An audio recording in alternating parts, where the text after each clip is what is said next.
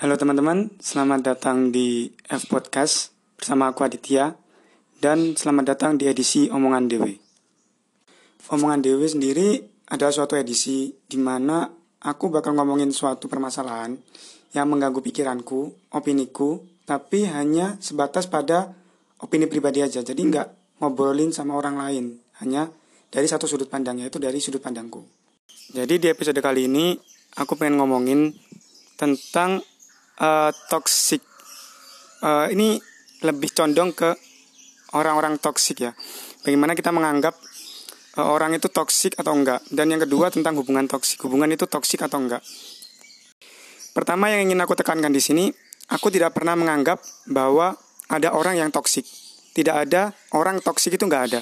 Tidak ada orang itu buruk perilakunya menurutku nggak ada. Karena saat kita sudah menjadi diri kita sendiri saat seseorang itu sudah menjadi dirinya sendiri maka dia itu sudah menjadi versi terbaik dari dirinya.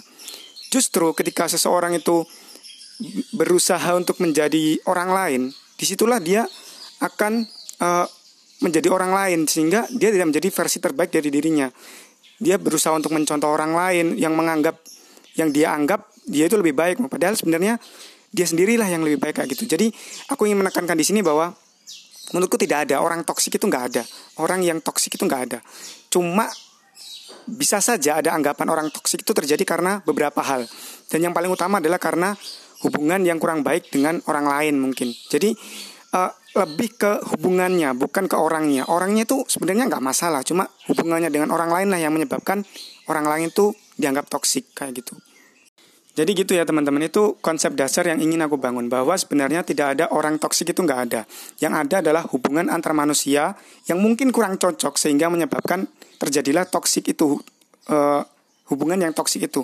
Dan hubungan toksik itu ada beberapa hal menurutku. Ada yang pertama itu uh, pertemanan yang toksik ya. Yang kedua adalah hubungan yang toksik antar uh, percintaan ya lebih ke percintaan atau biasa disebut uh, toxic relationship ya. Itu bisa saja terjadi kalau uh, mungkin antara satu individu dengan individu yang lain itu tidak tidak ada kecocokan lah sehingga uh, sifatnya itu saling tumpang tindih atau saling bergesekan sehingga salah satu atau semua justru merasa tidak nyaman kayak gitu. Dan jika diibaratkan ya teman-teman, menurutku hubungan antara individu satu dengan individu yang lain itu seperti puzzle dalam sebuah lingkungan. Ketika puzzle itu terlalu cocok ya, terlalu cocok, istilahnya pas banget gitu di, pasangan itu pas gak ada gak ada perlawanan sama sekali. Itu orang itu bisa cocok, tapi bisa aja, bisa aja gampang longgarnya gitu. Gampang longgarnya dalam artian mungkin pertemanannya atau persahabatannya atau hubungannya itu nggak bisa bertahan lama. Ini kalau menurutku ya. Soalnya kan saat kita terlalu cocok tidak akan ada konflik.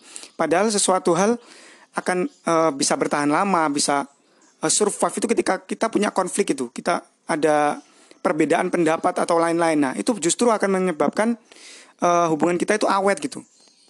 Sebaliknya ketika uh, puzzle itu terlalu berbeda, itu bisa teman-teman dicocokin, bisa. Ketika uh, mungkin uh, sudut yang satu tidak cocok dengan sudut yang lain gitu ya, itu bisa dicocokin, tapi pasti merusak, merusak dengan intensitas yang berbeda-beda. Kalau perbedaannya sangat jauh, pasti merusaknya semakin besar, semakin besar. Nah, ini yang aku sebut tadi uh, toxic relationship itu di sini. Kalau ini berdua ini tidak cocok, ya antara dua pasal ini banyak-banyak nggak cocok pasti akan menyakiti kan. Entah salah satu atau orang lain pasti akan merasa tersakiti. Nah di sinilah terjadi di mana uh, toxic itu terjadi gitu teman-teman. Terus uh, hubungan yang ideal itu gimana sih? Ini baik pertemanan maupun hubungan relationship ya. Kalau menurutku ketika dua puzzle tadi memiliki perbedaan tetapi perbedaannya tidak terlalu jauh. Jadi ketika tidak terlalu jauh contoh uh, ada uh, perbedaan pendapat ya. Perbedaan pendapat itu adalah suatu hal yang bisa kita tolerir gitu. Gak yang terlalu ekstrim sehingga tidak terlalu menyakiti sehingga ketika kita mendapat pandangan uh, dari orang lain itu bisa kita terima gitu. Bisa kita terima, oh ternyata pandangannya gini. Dan sama-sama legowo sehingga tidak sama-sama menyakiti. Nah, hubungan yang seperti inilah yang menurutku akan bertahan cukup lama. Tidak seperti yang pertama tadi yang cenderung cocok, justru akan semakin mudah untuk longgar kayak gitu. Jadi gitu ya teman-teman, aku ingin menekankan bahwa tidak ada orang yang toksik, tidak ada individu yang toksik. Mungkin hubungannya saja yang toksik dan tidak cocok dengan karakteristikmu. Jadi jadilah dirimu sendiri, jangan menjadi orang lain karena versi terbaik dari dirimu adalah saat kamu menjadi diri sendiri. Oke, kayak gitu aja sih. Semoga uh, bermanfaat ya untuk kita semua dan sampai jumpa di podcast-podcast selanjutnya. Oke, bye-bye.